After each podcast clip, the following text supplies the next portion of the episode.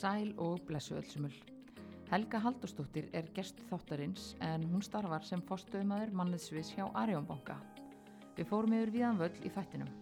Helga segjar okkur frá sinni vegferð í mannismálum, hvernig Arjónbanki hefur nota breytingastjórnun í mörg ár til þess að ná árangri, mánæðarlega mælingar, mannustefnuna þeirra, húsnæðismál og margt fleira. En þátturinn er í bóði Akademias, Yei, 50 Skills og Múta. Akademias er fyrir mentun framtíðarinnar. Akademias er þekkingafyrirtæki sem aðstofar fyrirtæki og einstaklinga við að búa til lærdómsvegferð sem opnar ný tækifæri til framtíðar. Akademia skapar verðmæti með því að sérhæfa sig í fyrirtækjafræðslu og nýta til þess fjölbreytta lærdómstækni hvort sem ávið um staðbundið eða stafrænt lærdómsumhverfi. Þar má meðal annars nefna fullbyggt stúdjó þar sem hægt er að taka upp alls konar kynningarefni og svo býður Akademias einni upp á þjónustu sem snýra því að velja fræðslukerfi, greina þarfir, búa til fræðslu efni og námskeið í samstarfi fyrirtæki. Ekkert vesen, bara einfalt, skýrt og þægilegt. Frekari upplýsingar er hægt að kíkja á akademias.is. Yei er gjafakerfi sem samanstendur af Yei gjafabrjáfa appinu, Yei.is og Yei manager fyrirtækja þjónustu Yei sem hefur notið mikill að vinsalda meðal mannustjóra og annara stjórnenda. Með Yei getur þú sendt gjöf á hvert sem er með einföldum hætti fyrir hinn ímsu tilefni. Samstagsæðila Yei eru yfir 200 um land allt en þar má nefna til dæmi Skylagún, Vögbaths, Veramóta og allar bestseller Vestlanirnar, Sindamani, Sælgerabúðina og yfir 70 veitingastadi og fjölmart fleira. Svo það er til gjafir sem henda öllum og við öll tilefni. Tilvæni leið til að auka starfsánegu, spara tíma og koma á óvart. Fyrirtækja þjónusta ég er gjaldfrjáls, þú greiðir bara fyrir þær gjafir sem þú kaupir og sleppir þá við allan aukakostnað, sendingagjöld og þetta er frábært fyrir umhverfið. Svo er það rúsinan í pilsuendanum. Fulltrúar fyrirtækja sem hafa samband við ég og prófa að gleðja hópin sinn í júni fá veglega innegn upp í fyrstu kaup. Það eina sem þú þarfst að gera til að fá tilbúið er að nefna að þú sért diggur, hlustandi á manninsmáli og vola, dýtlinn er komin í hús. Frekari upplýsingar á ég.is 50 Skills er íslensk hugbúnaðalöst sem hjálpar vinnuveitundum með ráðningar og virkun starfsmanna. Á markastorki 50 Skills er hægt að skoða þjónustur frá samstagsæðlum sem henda vinnuveitundum af öllum stærðum og gerðum. Hægt er að endurvirta störf á starfatorkum, útbúa ráðningarsamninga, senda skjöl í rafrænar undirritanir og koma öllum aðgjörum sem snúaða ráðningunni í farveg með sjálfvirkum hætti.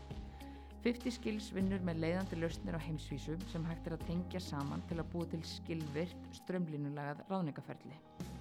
Á Íslandi er 50 Skills með samninga við yfir 100 íslensk fyrirtæki þar sem þúsundir stjórnenda nota 50 Skills og berast 20.000 starfsumsókna í gegnum lausnina í hverjum mánuði. Frekar upplýsingar á 50skills.com Svo er það MútuUp, en MútuUp mælir starfsánægu fyrir íslenska vinnustæði. MútuUp sendir stuttar púlskananir á starfsfólk og stjórnendur sjá niðurstöðnar strax á einföldu mælaborði. Þar er hægt að fá margvíslegan samanburð til dæmis að milli delta og yfir tíma og þar byrtist líka skrifileg endurgjöf sem starfsfólk sendir inn undir nafnlind. Með MútuUp fá stjórnendur öflugt verkfæri til að auka starfsánegu sem skila sér í auknum afkvöstum, betri mætingu og minni starfsmannaveldu. Ég mæli með að kíkja á mótuup.is og bóka kynningafund fyrir frekar upplýsingar og næstu skref. Helga er næst á dagskrá, góða skemmtum.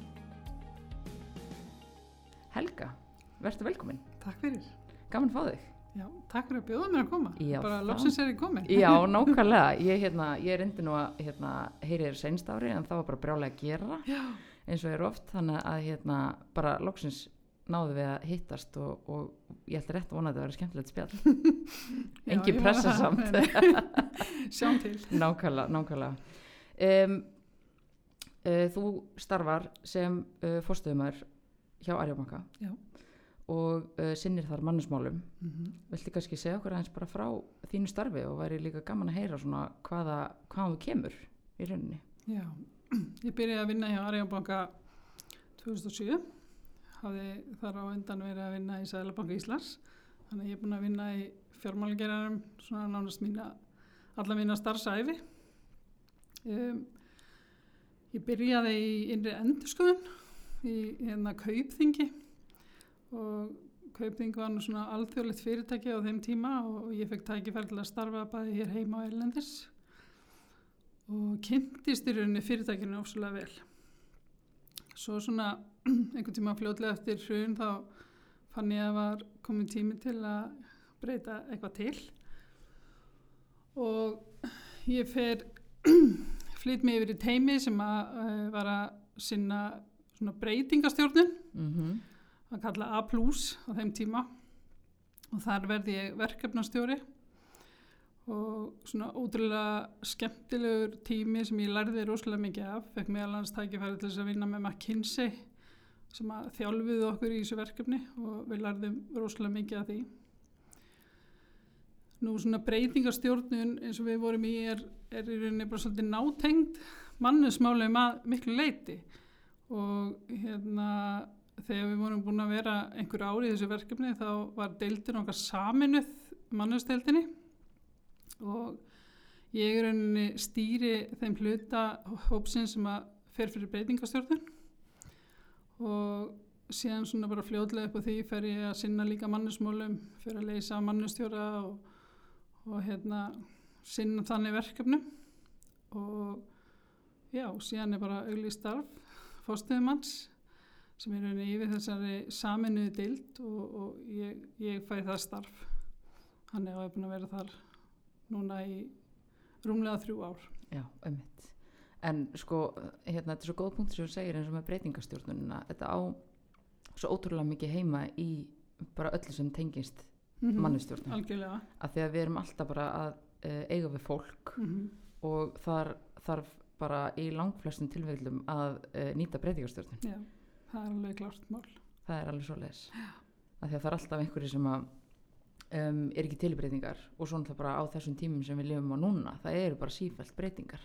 Við getum bara, einu sem getum treyst á er að það verða breytingar. það er alltaf verið að breyta Já, þannig að svo reynsla kemur sér mjög vel einmitt. í, í þessu starfi Já, en eins og þarna, kom, kom þér eitthvað óvart eins og með mannusmálum? Bara svona hvernig, þú veist, væri verið að vinna með mannusmál eða, nei, ég get ekki sagt það það komið mér á óvart nei?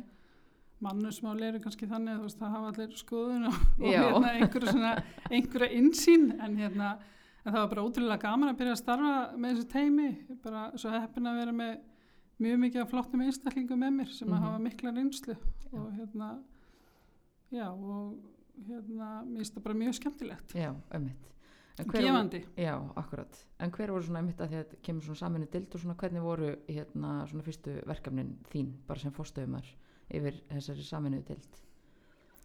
já, það er nú eiginlega þannig að ég er áðinn að mótni til og eftir hátíði frétti ég það að minn yfirmaður bankastjórnin hefur sagt upp störfum Bara svona tíðinda lítið dagur? Já, þannig að hérna um, ég get, get sagt að voru mjög mikla breytingar frá því að ég, ég tók við síðan í rauninni kemur nýr bankastjóri og, og nýtt stjórnendateimi og, og það er alveg ljóst mjög fljótlega að það verður svona nýjar áherslur og, og hérna svolítið svona breyting í því þannig að ég veit ekki, fyrstu verkefnin voru kannski bara að spjalla við fólkið og, og svona bara ná aðeins utan um það hvert við vildum stefna sem hópur.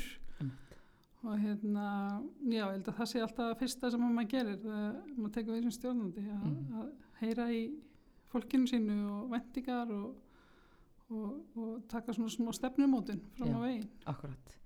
En eins og það bara staðan í dag, ég meni nú er komin þrjú ár síðan og tekur við Já. og er meitt nýr bankastjóri, þú veist, Mhm. það er líka alltaf risastór breyting Já. að hérna, en svona hverjar eru aðal áherslur bankans í mannasmálum í dag? Sko, uh, ég myndi segja svona, bara í grunninn í stefnun okkar, þá er að vera með framhúsgarandi starfsfólk. Já. Og hérna, við viljum líka skapa svona umhverfi sem er á samantíma krefjandi uh, og skapandi en líka skemmtilegt. Viljum, veist, það er, það er alveg krefjandi og krefjandi verkefni en við viljum hafa gaman í vinnunni líka.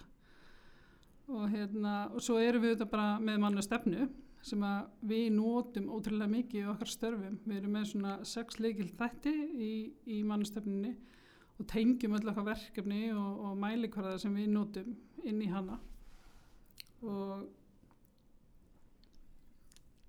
ég myndi segja ef við byrjum á kannski rétta fólkið, það er bara ótrúlega mikilvægt að maður vandi sig í að ráða fólk og hérna við leggjum mikið upp á því að vera með faglega ráðningar og reyna að tryggja að sé réttum maður á réttum stað. Um, og síðan í rauninni bara að maður sé að taka vel á móti nýju fólki hérna svona onboarding ferlið sé hérna gangi vel. Og maður heldur ekki gleyma því að viðskilnaði við starfsfólk sé líka góður sama hvernig honum ber að. Þannig að veist að geti, allir geti haldið tengslu með fólkið og, og fólk er jafnvel til í að koma aftur og við erum alveg með tölvört hátt endurráðningar hlutall þannig að það finnst mér líka að skipta máli Mm -hmm. Og það lítur að vera eða bara svona gott orðspor þá ef fólk er til í að koma aftur. Já, algjörlega veist, það, mér það finnst er að segja það. svolítið já, mikið. Já, þannig að hérna, maður passir svona svolítið vel upp á það hvernig við, hvernig við skiljum við og við til dæmis reynum við að hitta alla sem að hætta og taka samtal við fólkið og svona bara líka læra því veist, af hverju er það að hætta? Eða þeir eru betri tækifæri annar staðar? Eða hefði við geta veitt betri tækifæri í okkur og svona ýmislegt í þeim dúr. Mm Svo er náttúrulega kannski bara stór þáttur það eru jafnbrettismálin og hérna að við séum stöðut bara að hugsa um þau og skapa jöfn tækifæri hérna, innan fyrirtækisins og, og mér finnst þetta að vera svona málaflokkur sem er alltaf meira vægi og, og meira pláss og hérna sem er bara mjög jákvægt og hérna við erum einmitt nýbúin að uppfæra stefnun okkar í jafnbrettis og mannréttindastefnu og, og svo eru þetta jafnlaunamálin sem eru hann mjög mikilvæg Mhm. og hérna við höfum verið að vinna mjög öttulega í því að reyna að minka launabilið og í, við vorum í útefnunum daginn og þá kom í fyrsta skipti hjá okkur að, að kalla voru læri Já, hérna, frábært. En markmiðið okkar er svona að reyna að halda okkur undir 1% í, í launamun. Og, en það eru auðvitað alltaf einhverja sveiflur í þessu. Þannig að það er ekkert hægt að vera á núlli það er bara það hreyfing. Já, þetta er alltaf á okkur svona bili, þannig að við vorum alltaf mjög ána með það. Svo eru kannski næsti málaflokkur er svona stjórnenda hérna, að við séum með öfluga stjórnendur. Mm og hérna, það er þetta búið að breytast rosalega mikið á síðustu árum í því að það er ekkit endilega nóg að vera góðu sérfræðingur lengur til að vera stjórnandi. Þú veist, við erum að þetta það skiptir bara ótrúlega miklu máli fyrir bara afkaust og líðan starfsfólks að stjórnandi sé góður og sé að sinna því starfi vel. Og hérna ég myndi segja okkar hlutverk er, er bæði að tryggja þetta fólk fái góða þjálfun og við höfum verið með leitóða þjálfun og fleira og líka bara gott aðgengi á okkur. Þannig að fólk geti spekla málinn við okkur og, og við getum verið svona stjórnendum innan handar. Þó þeir eru þetta dagstælega að stýra svona fólki að þá hérna, eru við stuðningur í rauninni við þá. Og svo líka e, þegar kemur stjórnandi þá sem þetta endurgefun skipta mjög miklu máli og, og við svona leggjum upp með að sé hérna, ákveðin grind í kringum það sem að hérna, stjórnendur sinni og, og fylgjum því eftir. Svo er þetta líka bara þróun og, og fræðisla að, þú veist maður við passum upp á að, við held að þekkingu og, og færni starfsfólks og það sé einhver svona tækifæri til, til starfstróunar og við höfum verið að vinna alltaf með sundafæri svolítið með það að veist, starfstróun er ekkit alltaf bara skipt um starf, það getur líka verið í rauninni bara vekkferðin sem það ert á í þínu eigin starfi. Og við verið að reyna að byrja að vinna markmist með svona svo í slettuna aðeins að einsku svona career path þannig að frá því þú kannski kemur inn sem junior og þróast upp að vera senior og, gera þá vegferða en svona sínilegri og markvissari. Þannig að það er bara ímislegt spennandi því. Mm -hmm. Og svo eru þetta bara ánægja og, og líðan og, og í starfi og starfsumhverfi sem er bara uh, stór mál, málaflokkum myndi ég segja og, og snýra því að veist, erum við með gott vinnuumhverfi fyrir fólkið? Erum við að fylgjast með því hvernig fólkinu líður hjá okkur? Allt sem snýra samskiptum og hérna passa upp á, upp á þá þætti og hérna ekkomálaflokkurinn og, og, og, og það allt og svona tryggja þessi einhvers konar jafnvægi líka yfir fólki milli, milli vinn og engalífs og hérna og þarna kemur þú veist til dæmis undir líka bara eins og fjárvinnumál og, og, og slíki þættir. Mm -hmm. og svo kannski svona síðasta svona líkilþátturinn sem við erum að vinna með er, er hérna árangustjórnun og hérna leggjum svolítið upp úr því að það sé verið að tilinga sér markmið, það sé mælikvarðar sem að er verið að fylgjast með. Og hérna við séum að deila þekkingu og upplýsingum og svona þættir sem snúa að, að, að svona, já, að starfsfólk ná árangri. Þannig að já, það er, það er heilmikið Já, sem við leggjum áherslu á. Já, já, nákvæmlega. þannig að hérna og svo ímislegt auðvitað annað sem tengist þessu Já, akkurat, það er alls konar svona litlir, hérna, já, bara svona lítil atriði sem koma út frá hverju einu. já, já, En sko áherslunar eru bara, hérna, mjög hillandi af því að þetta er svona kjarnin í því sem að um, svona heldur fyrirtækinu gangandi. já, emitt En og inn í þessu líka bara þegar við byrjum aðeins að tala um breytingarstjórnun Já, áðan, að þá mhm. er náttúrulega bara breytingarstjórnun svolítið kjarnin í þessu líka. já, já, algjörlega um, þú veist, og eins og nefnum við bara hérna, stjórnendur og árangursmælingar og svona, veist, það, er, það þarf alltaf að vera eitthvað svona þróun og það er alltaf breytingar til þess að ná einhverjum árangri. Nákvæmlega. Hvernig svona hérna, uh, hvernig hafið þið verið að nota þessa breytingarstjórnun til þess að ná þessum árangri? Sko, ég hana, kannski myndi segja svona fyrsta aðkoman mín að, breytingastjórnin er, er rauninni áður en ég fór að vera í mannusteiminu og það fórum við bara í risastort verkefni sem að hérna, svona breytingastjórnina verkefni og tilgangur með því var í rauninni bara að breyta menningu og vinna hlutina öðru sig heldur en það hefði verið gert. Mm og það er alveg risa stort skref að hérna, breyta menningu. Já, það er mjög stort Já, skref. Og það gerist ekkit bara okkur og nokkur vikum. Nei.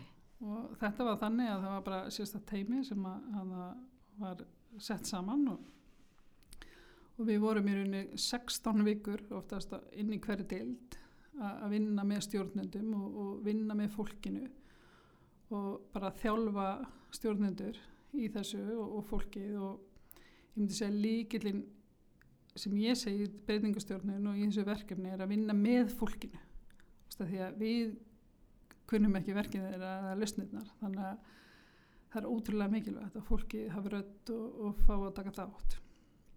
Og þetta var svona ótrúlega áhugavert að því þú veist þetta kom inn á svona myndi ég segja svona businessin en líka inn á í rauninni mannusmálin og hérna við köfum bara svona onni ímsa þætti í starfseminni og hérna gáum okkur tíma til að greina hvað mátti betur fara og, og hann upp á nýtt og, og síðan innlega þá breytingar þar.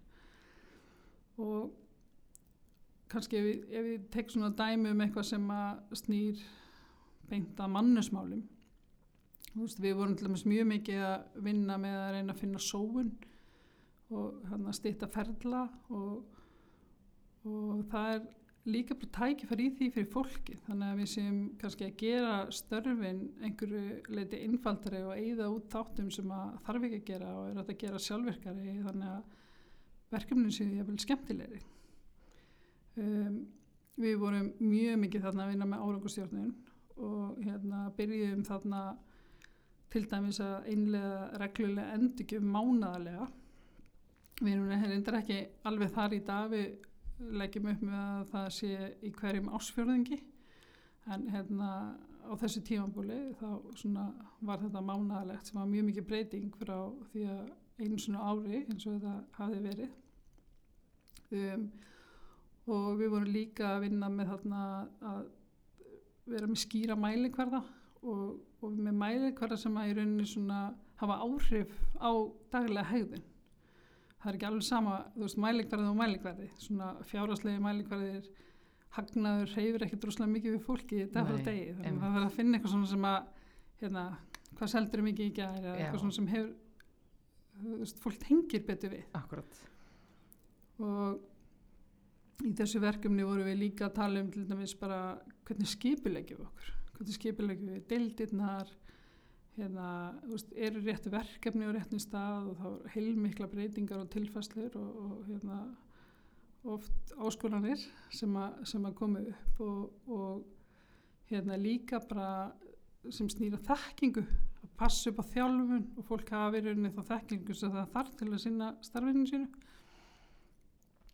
Og svo kannski svona líkil þáttur í þessu öllu var sem við kallum huga að fara á hegðun veist, þannig að bara við værum að hlusta á starfsfólkið okkar.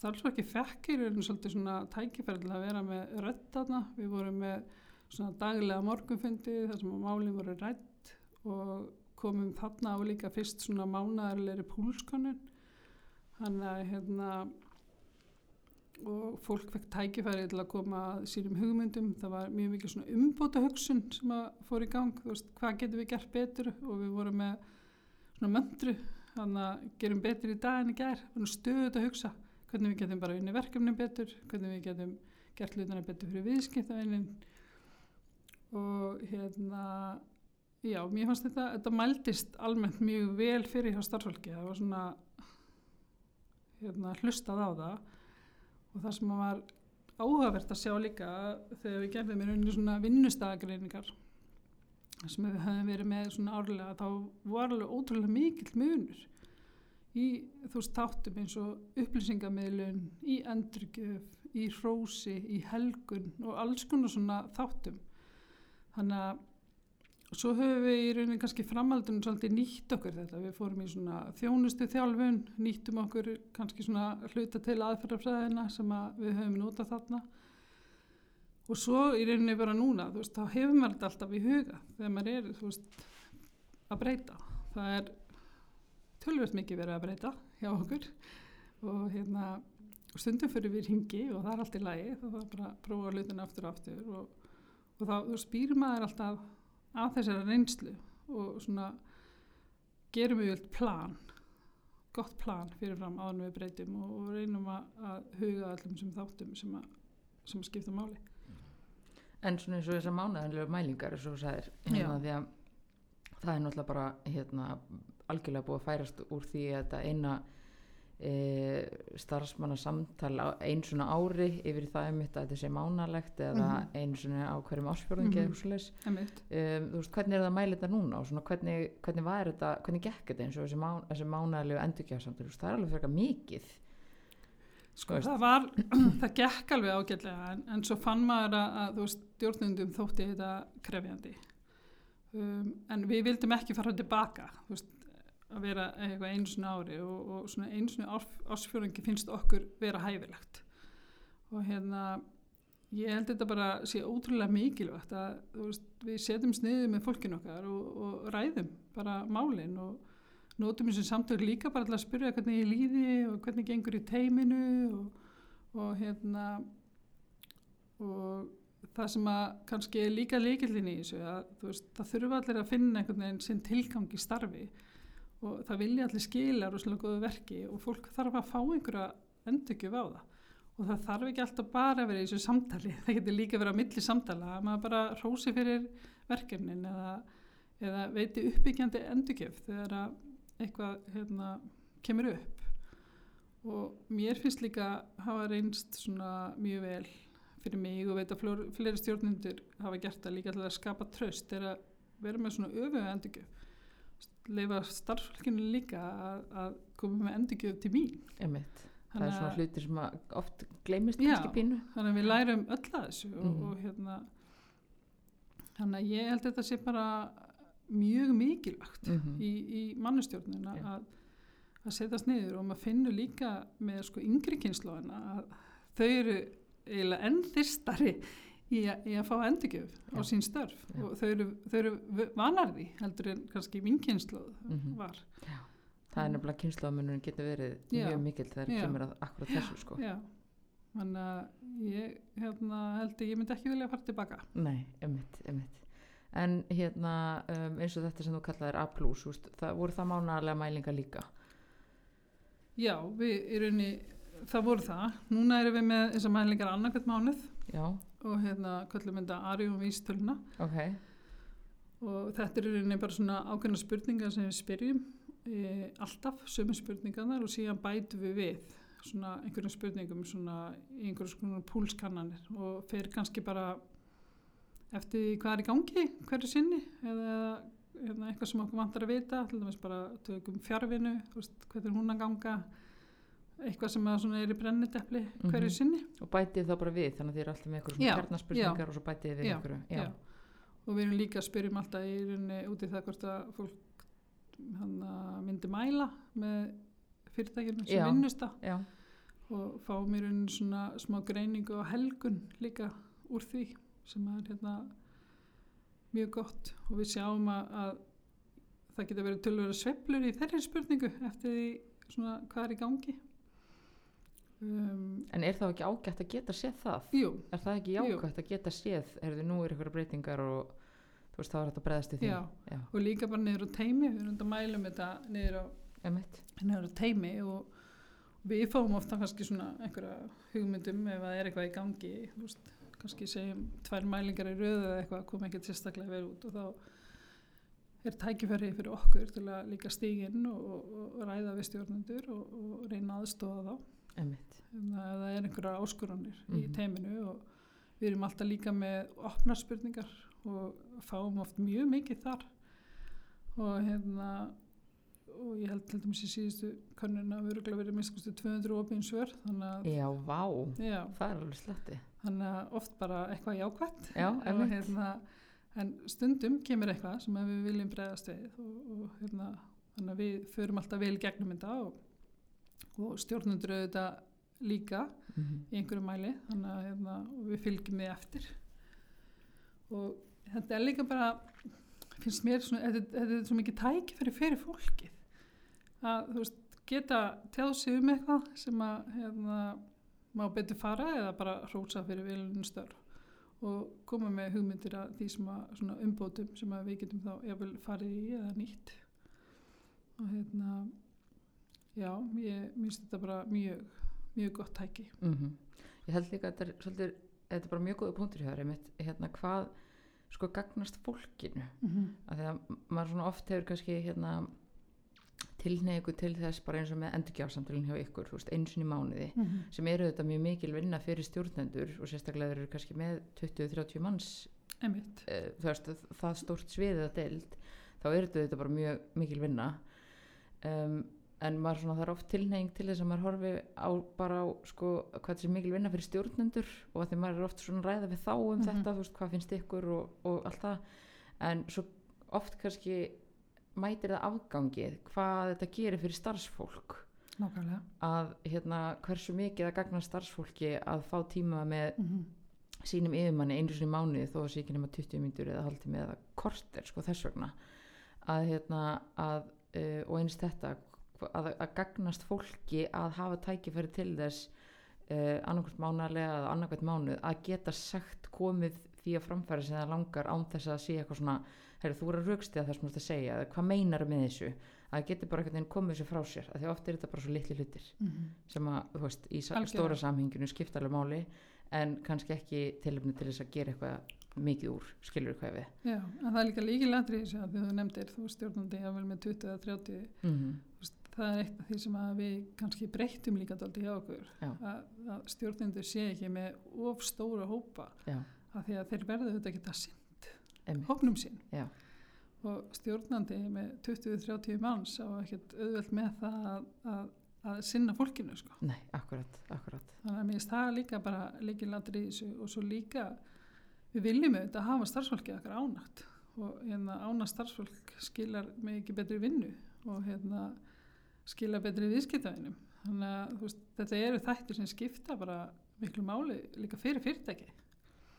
Og líka bara eins og ég segi fólk, uh, já, starfsfólk hafi tækifæri til þess að koma ykkur til skila um, á einhverju svona uh, þú veist óformlegum vettfangi óform, veist, Mhm. þannig að þetta sé ekki alltaf eitthvað svona, hefur ég hef nú hérna eitt að segja og þú veist, við hvernig við tala? Held bara, hefur það kemur hérna konun annarkvæmt mánuð og ég get það bara sagt það, Já. það sem ég langar að segja. Einmitt, þannig að, hérna, minnst svona þessi einhvern veginn vinkil að þú veist, horfa á þetta alltaf út frá starfsfólki að því að við sem erum að vinna í mannusmálum hefum ekkert alltaf tækir, tækifæri til þess að tala við allt starfsfólk. Nei. þú veist, við erum svolítið að tala við starfsfólk í gegnum stjórnundur Mm en hérna, og þá er svo mikilvægt að hafa þetta líka í huga sko. algjörlega.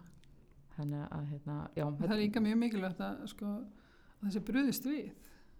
Það er ekki síður mikilvægt að það er ekkert hérna, að láta fólk taka þátt í einhverju könnun og, og það gerist ekki neitt. já, veist, einmitt. það, þarf að, það þarf að tryggja það að þessi bröðist við með einhverjum hætti Já. ef ástæða til, er til akkurat og þú veist, ef það eru liðlega neðustöður trekki hann að trekka maður svona fylgið eftir og gera eitthvað í málunum akkurat, akkurat já, þetta er bara, já, þetta er mjög hérna um, já, þetta er bara mjög áhugaverða pælingar líka bara svona undarfærið, þú veist, það eru að svona poppa upp alls konar fyrirtæki sem eru að mæla starfsánegu og Mhm. þetta þarf ekkert að vera flókið. Það er að gera þetta á svo einfaldan hátt. Algjörlega. og hérna, og einmitt svo er það bara eftirfylgnin eins og nefnir, Já. sem er líka svo stór hluti af þessu. Já, já, við höfum meira svo stundum sko, ég vil fyllt í eftir með einhver svona rýnisamtölu með eitthvað ef, ef, ef að við sjáum ástæðu til þess. Mm að reyna að kafa kannski dýbra ef að, ef að hérna Ef að komi þess upp, ef, ef þess þarf, já, akkurat, akkurat um, þú veist, í svona tengslu með þetta þá er þetta þetta hérna svolítið stór hlutur af bara uh, vinnu umhverfinu Mm -hmm. og bara líðan uh, starfsfólks og hvernig það hefur eða hvernig það á í samskiptum Einmitt. hvernig svona hérna, veist, hvaða já, hvaða áherslur liggja þar baki hjá okkur Já, ég myndi segja bara, við viljum þetta bara starfsfólki líði vel og sé ánætt og, og hérna leitumst við að tryggja bara svona örugt og myndi ég segja helsusamlegt umhverfi fyrir fólkið og hlúa að fólki. Um, ég myndi segja líka bara að skapa umhverfi þar sem að starfsfólk geti blómstrað í starfi og nýtt sína styrkleika. Og hérna við höfum látið mjög marga í fyrirtækinu taka svona styrkleika próf já, og hérna, hafið það verið að nota þarna frá Gallup? Já. Já, um mitt og mér finnst að það er ótrúlega jákvægt svona bæði fyrir stjórnundur líka bara fyrir teimi að sjá í rauninni hérna, fólki sem ert að vinna með, hver eru styrkleikandi þeirra? Og, og kannski leifa fólki þá líka svolítið að fá verkefni sem að hérna, tengjast inn á, inn á þeirra styrkleika. Og, hérna, og, og teimin ég vil sjá þú veist, já, að byggjum þennan að gera þetta, hún, hún er hérna, besti í því, besti því. Þannig að, hérna, og svo kannski, þú veist að fólk fái endurgjöf eins og við rættum á þann á, á, á sín störf. Svo finnst mér líka bara ótrúlega mikilvægt þarna að við byrjum virðingu fyrir hvort öðru. Og hérna við séum svona með skýra línur í því að, hérna, að við vöndum okkur í samskiptum inn á vinnustaf og hérna og fólk einhvern veginn upplifi að hvernig einasti aðili skipti máli. Ég held að það sé líka mjög svona mikilvægt og ef að komu upp einhver svona samskipta vandamála það sé unnið í þeim og, og tekið á þeim um, ég líka að við leggjum okkur bara fram um að reyna að styðja við starfsfólkið. Ef að komu upp einhverjar áskoranir í, í þeirra lífi og erum auðvitað með svona einhver úrræði til þess að styðja við fólk um, bjóðum upp á sálfræði þjónustu og, og, og fleira þannig. Og hérna svo líka bara að sé gaman í vinnunni. Það er, þú veist við séum með eitthvað um að vera og séum svona hérna, einhverju viðbörðir og eitthvað skemmtilegt. Bæði kannski hjá fyrirtækinu heild og líka í rauninni bara hjá deildunum sem slíkum. Og já, hvað annað umhverjum, líka jafnbryttsmálinu þetta sem við fórum yfir aðan þau eru náttúrulega mjög stór þáttu þar að hérna, allir tækifæri.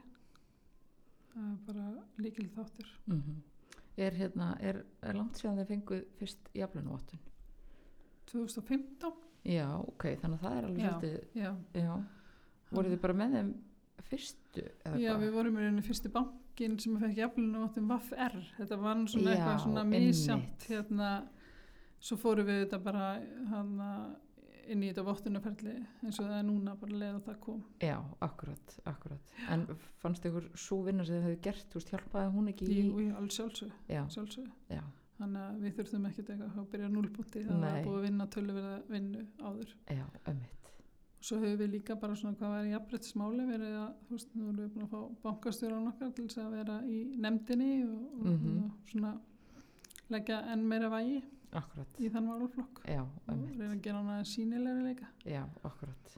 Hvað svona, hérna, hvað, hvaða verkefnum haf, hafið verið svona já, að koma fót þar? Já, við erum auðvitað, setjum alltaf svona fram metna fulla aðgerðar áallin já, og hérna eitt af því til dæmis sem við vorum að vinna í á síðast ári er hana fæðingarólöfið já, ömmit og við viljum svona reyna að auðvelda starfsfólki að nýta réttin og það er bara þannig hjá okkur og, og við annars staðar að konur viðast einhvern veginn frekar nýta fæðingarólöfsréttin og við sjáum það líka að það eru líka líklega til að taka sig að vel auka leifi eftir fæðingarólöfið og svona þetta getur í rauninni kannski bara líka haft einhver áhrif á, á hérna svona starfstrónarferlið Mhm. hjá konum og, og hérna, við sáum það sem svona eina leið er að, er að hérna, sem sagt reyna að jafna þetta með því að hafa áhrif á það að kallar fari líka í fæðingarólof þannig að við innlendum í rauninni svona hérna, nýjung um að tryggja starfsfólki 80% launa í fæðingarólofi og því hvað með mikla tekjur. Mm og vonum með því að kallar nýti líka réttin sinn og, hérna, og til lengri tíma hafi það kannski svona jákvæð áhrif á, á kynja hlutull stjórnenda líka. Akkurat, akkurat og, en það er svona kannski ekki komin svo mikil reynsla það er ekki hérna, en það þarf svolítið tíma því fólk hefur það langan tíma til að nýta fæðingarólarsréttin sinn. Að hérna við vonum að þetta hafi jákvæða áhrif og tókum líka eftir þetta vakti mjög mikla aðtekli mjög margir sem hafa haft samband við okkur til þess að spyrja okkur út í þetta og, og hérna svona þætti sem að þarf að hafa í huga Akkurat, akkurat. Að þetta er einhvern veginn, þetta er bara svo ótrúlega, hérna, því ég, úst, ég tók eftir þessu og þetta er bara svo ótrúlega áhugaður pæling og bara svo stórt og mikilvægt skref í Mhm. þessari, í rauninni sko baráttu að því að auðvitað er, þú veist, konur fara í lengri tíma því það eru bara háðar barninu og barnið er háð þeim í flestum tilfellum. Um, en þetta er svo oft þannig að, hérna, makarnir taka kannski bara mánuð, þú veist, fyrst eftir að barnið fæðist eða tvær vikur jafnvel. Um, svo kannski taka þeir um, tveir, tvær, tvo, þrjá mánuði þú veist, bara þegar konan er farin að vinna aftur Mhm. þú veist, þannig að þá er þetta ekkert langur þú veist, þetta er ekkert langur tíma meðan konan er kannski búin að vera í burtu í níu, tíu mánuði alltaf byrja ár, eitt og hálft ár Nákvæmlega. og það er líka bara svo áhugavert að horfa á þetta út frá þessu um sem hún segir með starfstrónina, þú veist, þetta snýst ekkert al, aðal um það að þú veist, konan hafi ekki tækifæri til þess að hérna, um, þú veist eh, fara kannski í eitthvað starra starf eða taka sér stærri verkefni hún er bara ekki við í vinnunni. Þannig að þú veist, það er svo mikið sem breytist á þessum tíma. Já, ég missi kannski af einhverjum hún, tækifærum hún bara missir að, af einhverju hérna, tækifæri bara, veist, og það snýr ekkert að henni persónulega, Nei, það er bara því að hún er ekkert en ekki við. Já, þannig að þetta verður allt eitthvað svona já, það er svo mikið misræmi í þessu þannig að ég held að þetta sé svo stort skref í því að hvetja bara makana til þess að fara líka í lengri tíma. Já. að þetta sé ekki alltaf konan sem þarf að fara í um, veist, ár eða eitthvað svo leys Svo held ég þetta sé líka bara ótrúlega mikið menning sem vonandi breytist með tíð og tíma. einmitt, Hérna, við allavega verum að reyna að leggja okkur fram að hafa einhver áhrif já, á þessa menningu. Akkurat og hérna, þannig að vonandi hérna, breytist þetta. já, akkurat þannig að það er alveg hérna, eins og ég segi, ég tók eftir þessu og maður svona, maður horfir alveg á þessa þætti að því að auðvitað er það er bara erfitt fyrir konur að detta út af vinnumarkanum þannig að fá eitthvað svona upp á móti það er bara ótrúlega hérna, svona tröstikjandi Og við setjum líka í rauninni að við viljum reyna að hafa áhrif á það að kallmenn taki sér að minnstakosti þryggja mána samfellleifi. já, Af Því eins og þú sagðir áðan, þeir eru ofta að taka svona búta sko. já, akkurat Nei, og í rauninni bara svona að fylla í skarðið pínu sko, bara Já. til að rætta einhverjum einhverjum málum sko. En svo eru auðvitað þeim dæmum kallmenn sem að bara taka lengra en, en það er sjálfgefra. emmitt, emmitt reyna að fjölga þeim hópi. Já, já, algjörlega. Já, en svo hérna um, er þið með annað sem ég rakst uh, á síðan í okkur að því var nú að skoða hana og skoða mannustefnu Mhm. líka. Það er þessi starfskjara stefna já. og það er uh, nýtt er það ekki? Nei, sko, við hefum alltaf verið með starfskjara stefnu Já, í rauninni, en, en, en það sem er kannski nýtt í henni er það er hérna kaupaukakerfi og Já. kaupréttarkerfi fyrir allt starfsfólk. Já, og hérna sem er mikil breyting Mhm. og mjög jákvæð. Og hérna þannig að núna erum við sem sagt já, með kaupaukakerfi sem að allir starfsmenn eh, er, öllum starfsfólki er búið þáttaka í eh, fyrir utan eftirliseiningar sem er lagalegt dæmi. Mhm.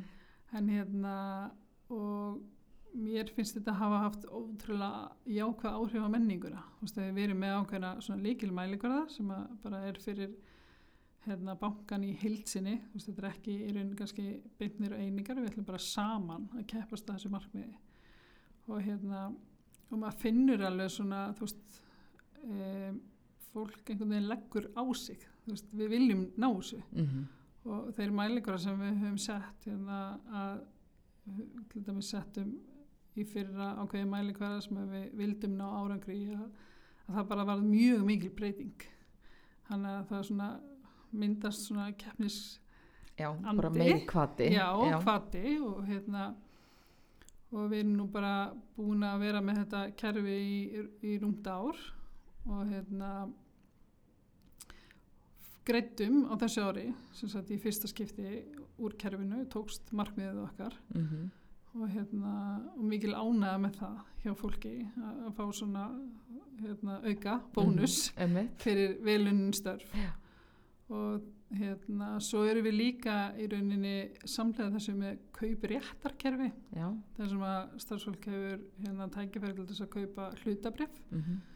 Gerir hann að samning um það og, og hérna og það var líka í, í fyrsta skipti sem að fólk að nýtta núna á þessu ári.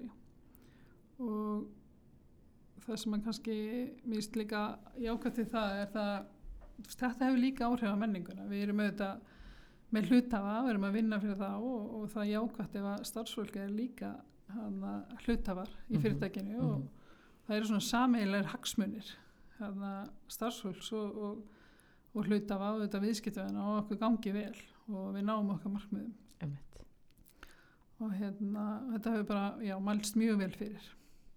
og þannig að bara hérna, þú veist, þetta er bara í rauninni kynnt fyrir starfsfólki og það í rauninni hérna, veist, ræður því sjálft hvernig hvernig það gengur að þessu eða veist, hvernig, Með kaupir þetta kerfi. já, já, Já, og í rauninni, hérna, þú gerir bara samning Mhm. um að þú mátt kaupa fyrir ákveðna fjára sem tekur rauninni með á svona skattalegu viðmiði já, og hérna síðan þegar það kemur að því að þá mátt þú bara vega metta það. Já, það, það, það er enginn að skuldbinda sig hérna, og veist, fólk getur keift fyrir tíu skrónur eða vilja veist, þarf ekki að vera meira en það alltaf að vera Mhm. með mhm, og það er bara hversu eins að vega og metta hvort hann vill vera með akkurat, akkurat, engin skuldbinding nei, nokkulega.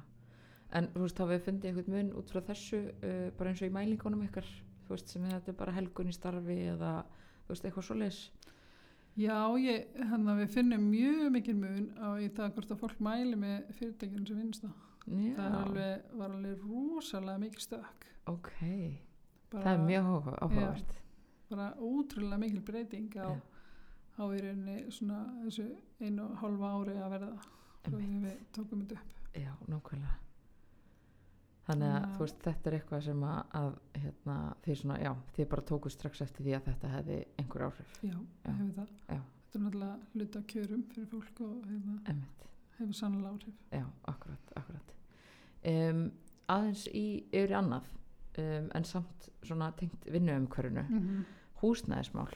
Já, Uh, það var orðin, orðin náttúrulega þó nokkra breytingar húsnæðismálum Mhm. og þá kannski bara eins og hérna, fækkun útibúa til dæmis bara uh, í tengslega við þessi húsnæðismál. Hvernig svona hvaða breytingar hafa svona átt sér stað í hús, húsnæðismálum bara undanverðan ár? Já við kannski höfum svona í einhverju ári verið að leggja áherslu og kannski svona bæta aðstöðun í útibúunum okkar bæði fyrir starfsfólki og hérna fyrir vi, hérna, viðskiptavinna líka. Mm -hmm. unnum svolítið í því að gera kannski svona vinnurými hérna bakvið fyrir starfsfólki. Þannig að það sætir henni ekki alltaf bara á gólfinu með viðskiptverðinum og það var allavega að gera svo breyting víða í útibúinum um, og en núna svona síðust ár hefur við verið kannski svolítið að þjappa í borgatúnið hérna seldum hérna húsnaði sem við áttum annars þar í borgatúnið sem var hérna útibú og tölvideldinn og, og fluttum í rauninni starfseminna yfir í hérna höfustöðunar okkar. Og nýttum síðan COVID vel þannig að vorum búin að taka ákvörðun um það fyrir það að, að hérna bara uppfara húsið. Og hérna margt bara sem við, við tókum það í rauninni bara öll vinnurými alveg í, í gegn. Og það er allt svona miklu hlýlera það var svona kannski svolítið svona kallt sem staðar bara með teppum og gardinum og plöntum og hérna tókum í rauninni alla hljóðvist í gegn með því að setja svona hljóðdempandi efni á veggi og í svona skilrum og, og slíkt. Lýsingin bara var bætt og, og hérna loftgæðin líka. Þannig að það er allt svona myndi ég segja miklu hlýlera og hann að það er á sama tíma tók við líka út svona alla skápa í rauninni og settum munaskápa og erum í rauninni í, á einhverjum svæði með svona frjálfsætavar líka. Já, ok. þannig að það er aðeins mismunandi eftir teimum um, og það er mest svona kannski innan sviða og, og innan teima um, settum líka á sama tíma svona símaklefa og þannig að fólk finnir svona eitthvað næði hérna til að tala í síman og kannski samlega þessu svona frjálsa sætavæli þá settum við okkur svona markvísar í fjárvinnstefnu þannig að fólk hafi sveigjanleikan Mm -hmm. það, það þarf enginn að vera heima að vinna. Við erum alveg með nánast nægt pláss fyrir alla um, en þú veist, þú hefur innan sveigjanleika ef þú vilt vera heima hjá þér hluta á vikunni eða sitja á kaffihúsi eða, eða, eða hvar þú vilt vinna. Síðan tókum við líka í rauninni í gegn kannski svona eins og mötunindið okkar og Já, gerðum það mikið svona hlýleira og skemmtilegra og, og hérna svona meira kannski veitingastemming kallum þetta Arjón Bistro. Já, ok. og líka uppfærðum við svolítið svona uh, úrvalið að matnum. Þannig að hérna, það er rosalega mikil ána með, með mötuniti var mikil fyrir en ennþá meiri í raunni svo bættum við líka líkamsættar svona aðstöðu og búnisklefa aðstöðu. Þannig að það er mjög margir sem koma hjólandi í vinnuna og, og, hérna, og eru með svona sal þar sem fólk getur æft og, og svona einhver leiktæki líka píluspjöld og eitthvað svona þannig Já, að fólk getur ok. haft aðeins Já, skemmtilegt og hérna þannig að já, mér er sæðum komið golfhermi þannig að Nú, ok. En þetta er þá bara hluti af hérna vinnuumkörunum. já, bara ég að ætti gera hluta þetta, vinnuðingurinu að gera þetta svona lífleira og skemmtilegra.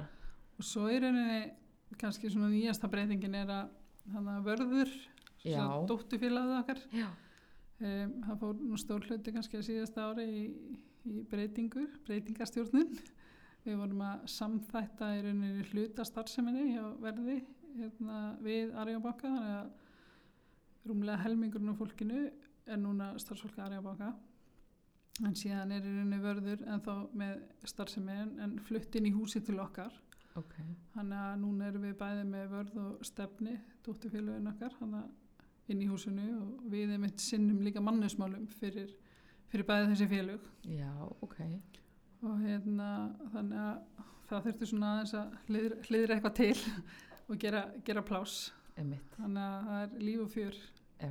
í húsinu. En það er líka sko ón á allar þessar breytingar sem þú ert búin að vera að nefna að þá er þetta líka einhvern veginn þessi um, já, bara þessi samþætting að fá inn vörð, Já, bara fyrirtæki Já. og það er bara nýtt starfsfólk og, og hérna samina svona tvo menningar Mhm. heima í rauninni að Algjörlega. það er náttúrulega líka risastórt verkefni ofan á allt hitt já, það Já. var alveg, var og er já. Bara hérna, stórt verkefni. Einmitt.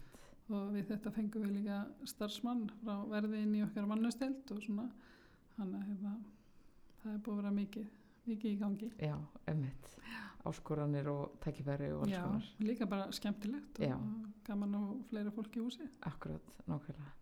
Um, svona að þið erum búin að tala svolítið um hildina, þú veist, þið eru með árgus hérna um, uh, þess að þið eru og þú veist, náttúrulega bara samverða með stjórnendur og allt þetta. Um, svo náttúrulega kemur líka inn í þetta fræðsla, Já, þú veist, að halda fólki hérna, halda svona réttri Mhm. þekkingu hjá fólki um, hvað, svona hver eru áherslunar þar, af því það er líka eitthvað svona sem að þarf að hanga með öllum breytingunum. Já, já, einmitt. Sko við erum þetta bara með rauninni fræslu stefnu mm eins og flest fyrirtæki og hérna leggjum bara svona áherslu á viðhalda og auka þekkingu og færni starfsfólksins okkar.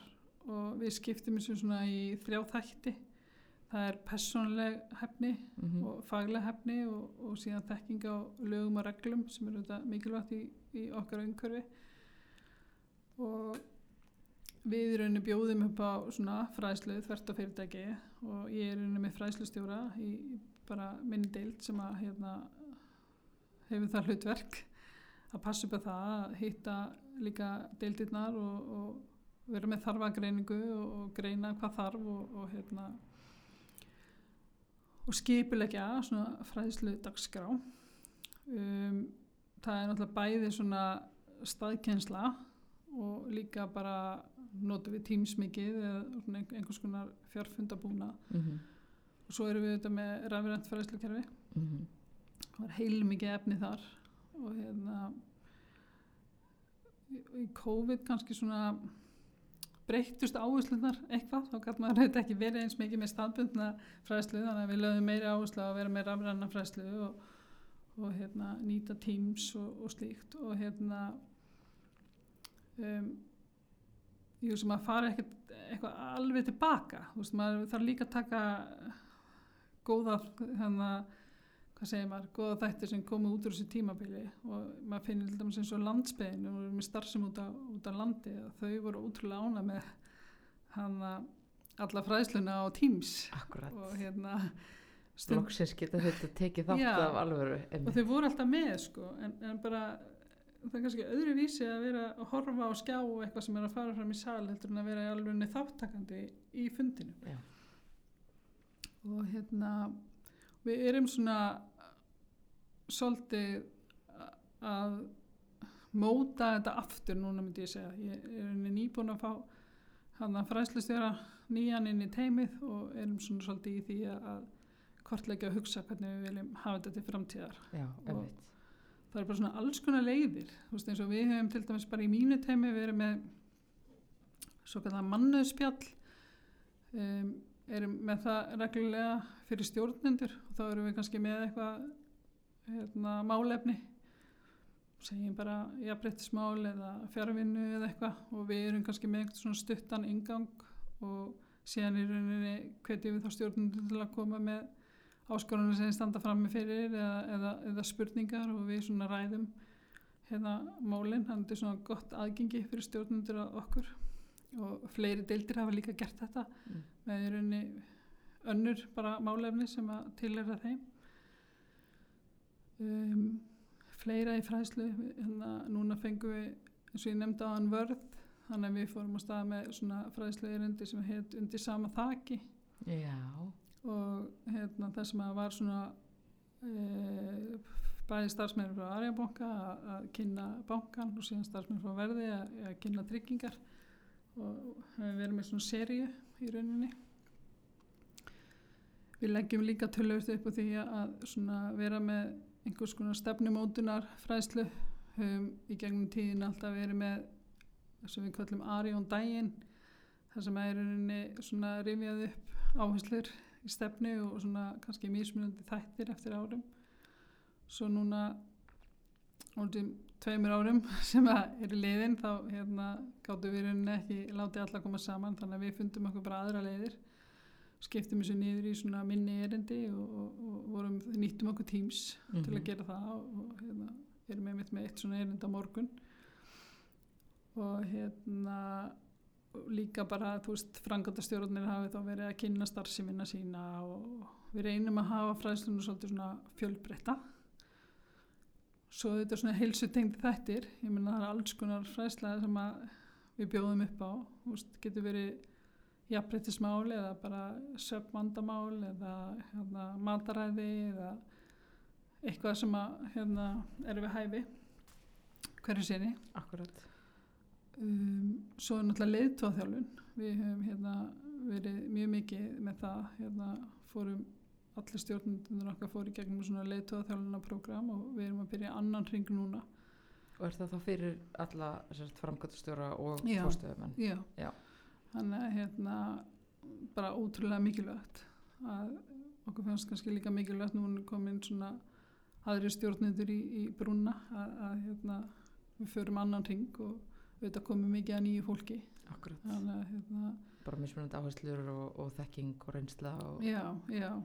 Og svo eina milli eru auðvitað með annars konar stjórnendaþjálfun. En þetta er svona kannski meiri fjárfesting og hérna prógram sem spannar yfir lengri tíma.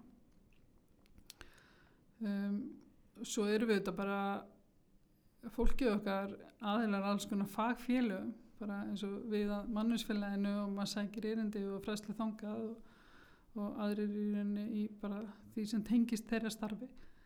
Og höfum þetta verið í samstarfi líka við dokkuna og stjórnvísi og fleiri, fleiri hópa til þess að reyna að tryggja bara aðgengi fólks. Akkurat. Að hérna góðri fræslu og við leggjum líka svolítið upp með að fólk ber líka ábyrð sjálft í rauninni að sækja sér þekkingu og, og fræslu Mm. en síðan líka bara svona lærdomsmenning ég myndi líka segja bara veist að við þurfum að líka hafa svona það er lægi að gera mistök og að við séum að læra af því hvernig við vinnum og eins og ég nefndi á hann höfum við oft talað um þú veist við viljum gera betur í, í daginn í ger við séum stöðut að læra af því hérna vinnubröðunum okkar og kom, út af því og, og ræðum það og svona umbóta hugsun og hérna, ég held að það sé líka mikil bara partur af því að, að þroskast og þróast. Nákvæmlega, nákvæmlega. Að, En svo náttúrulega líka bara, þetta er svo góða punktur sem að koma með þetta með að hérna, starfsfólk ber líka ábyrð já, að hérna, er, þú veist, er það hérna, er þið með eitthvað svona um, þannig að stjórnundur gefi svona ákveði leifi eða svo leist bara fyrir starfsfólk bara til þess að taka sér tvo tíma viku eða eitthvað til þess að, að sinna sinni fræðslu eða þú veist, hvernig svona hvernig hafið þið verið að já við höfum Stýra verið með þessu. það. Það er auðvitað bara mísamt eftir hópum. Já, þannig að kannski helst á hjá þeim hópum sem eru hérna, mest í kannski afgræslu þannig að þar hefur verið gefið í rauninni svona rými. Já. og hérna, reynum oft líka stíleina það að, að fólk horfa á einhver fræðslega reyndi svona kannski fyrir op, áður en að fyrir klukka nýju og hérna, já, við reynum að gera, gefa rými. Svo er þetta erum við með hérna rafrænt fræðslukerfi og eins og í COVID kvöttu við fólk kannski að taka göngutúr í hádeginu og, og hlusta á fræðslu í leiðinni og, og hérna það er auðvitað orðið kannski svona betra aðgengi þannig að fólk getur bara tekið upp síman og, og hlusta þar. Mm -hmm, en það er alltaf líka bara þetta tækifæri með svona þess að stafrænu fræðslu að hérna, bæði er hægt að halda um, vera með sko, stað, staðfræðslu og svo líka bara getur fólk setið í sætunum sínum og hlusta. Já. þannig að það er hægt að gera bæði sko. svo reynum við að taka erindi upp líka já, sem eru og, og setja þau þá inn í rafrænan fræðslukerfi þannig Já. að það gast ekki horta það þegar það var að þá hefur aðgengi að því í rauninni síðar. Já, akkurat, akkurat. Það er alltaf líka svolítið stór hluti af þessu sem að svona kemur svolítið úr þessari um, breytingu frá því að vera bara eitthvað svona línuleg dagskrá bara Mhm. þetta, þetta var bara í gær og það er ekki hægt að hérna, hlusta eða horfa aftur. Heldur er þetta aðgengilegt í ykkur tíma eða einmitt. Svo eru þetta einhver fræðsla sem er bara skilda Já. að akkurat, svona sem snýr sérstaklega að laga umhverfinu. Og fólkinin er bara þarf að horfa á það og, og, stjórnundur hafa aðgengi að upplýsingum um það. Já, akkurat akkurat, og við reynum svona að fylgja því eftir og senda fólki ítrekkanir og, og slíkt. Já, nákvæmlega. Að- Um, þetta er alveg svona bara einhvern veginn út frá mannustefninu ykkar. Þá er þetta bara hérna, svo ótrúlega margir þættir sem að skipta máli í svona heildarstarfseminni mhm, og svona sem að þú veist samþættast allir. Þannig að svona hvað þú veist eins og þau voru að mynda hérna mannstefnuna bara svona hvað var hvað svona út frá hverju unniði þú veist til þess að komast þessu niður og þegar mér varst líka svo áhugavert að sjá mannstefnuna því hún var ekki svona þetta voru bara svona punktar þú veist frekar lítil texti þú veist þannig að þetta var svo, var svo auðvelt að lýsa gegnum þetta. Mhm. svona hvað þú veist út frá hverju unniði Sko við, við breyttum henni hérna, töluvert fyrir nokkrum árum síðan og hérna kannski þetta var einmitt svona stefna sem var rosalega mikið hérna, bara að texta og okkur fannst í rauninni bara tækifæri til þess að innfalda og fórum í rauninni bara í svona stefnumótuna vinnu í rauninni hjá okkur.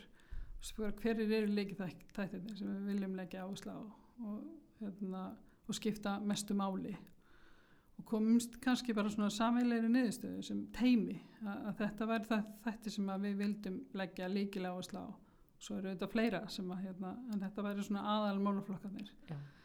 og á þessum tíma sem við fórum í gegnum þetta þá vorum við svona samveilegt teimi hana, breytingastjórnunar og, og, og þannig að það fóru svona líka inn í þetta þættir sem snýru að, að breytingastjórnunni mm -hmm. Og síðan horfum við alltaf á þetta á, á hverju ári og, og hérna sjáum hvort að það sé eitthvað sem að við viljum aðla. Ég meina við getum ekki staðna í mannusmálum frekar en annar staðar þannig að við þurfum líka stöðut að vera að horfa á ég meina er, er eitthvað breytt? Er eitthvað nýtt sem við viljum gera áherslu á? Mm -hmm. og við höfum líka verið að vinna svolítið með að gera svona undirstefnur og þar er þá kannski svona meiri útlistun Já, alveg eins og fjárvinnstefna er, er, er rauninni svona undirþáttur í þessu Einmitt. við erum með starfslokastefnu vegna aldurs Já. sem að hérna, fellur þá inn í flokkin okkar rétta fólkið Einmitt. og það er svona kannski útlistu við hérna, þegar kemur að því að fólk vera að hætta vegna aldurs hvað, hvernig við vinnum með það Já, akkurat þannig að já, ég held að líkilatri var einhvern veginn að hafa þetta innfalt mm -hmm. Og líka vegna þess að okkur finnst svo gott að vinna með þetta svo. Já. við tengjum svo bara svona verkefnin okkar og, og, og mælingarnar okkar eins og ég sagði áðan Akkurat inn í þetta Já. sem er auðveldar að það er búin að brjóta þetta einhvern veginn upp, finnst Mhm. mér Já, akkurat Það mikar alveg, eða svona passar alveg að, þú veist, einmitt mannstefnun er svona einhvern veginn reglífin já, og svo eru bara fullt af svona Já, undir þáttum já, sem að já. kannski einmitt þarf að útlista eitthvað betur nákvæmlega líka bara fyrir starfsfólk svo Já. að það skilji já, Akkurat þannig að Já, mér finnst þetta mjög áhugast mér finnst þetta svona um, það var auðvitað að leysa í gegnum stefnuna sko. já, einmitt bara, já, svo reynum við þetta bara að hafa þetta aðgengilegt líka þannig að Já. þú veist, fólk sem hefur kannski á að koma að vinna um okkur hérna geti kynnt sér já, hérna, fyrir hvað við stöndum Já, nákvæmlega sem ég held sé líka mikilvægt Emmitt, emmitt.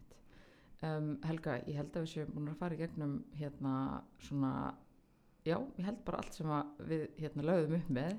Uh, allavega bara komin mjög góð útlistun á bara hérna svona því vinnuhumhverfi sem þið bjóðu upp á Mhm. og bara hvernig breytingastjórnun hefur haft áhrif á í rauninni vinnustlega menninguna. já, Þannig að hérna, mér langar bara að þakka þið fyrir að koma. Það var bara ótrúlega áhugavert að, að heyra hvað þið eru að gera.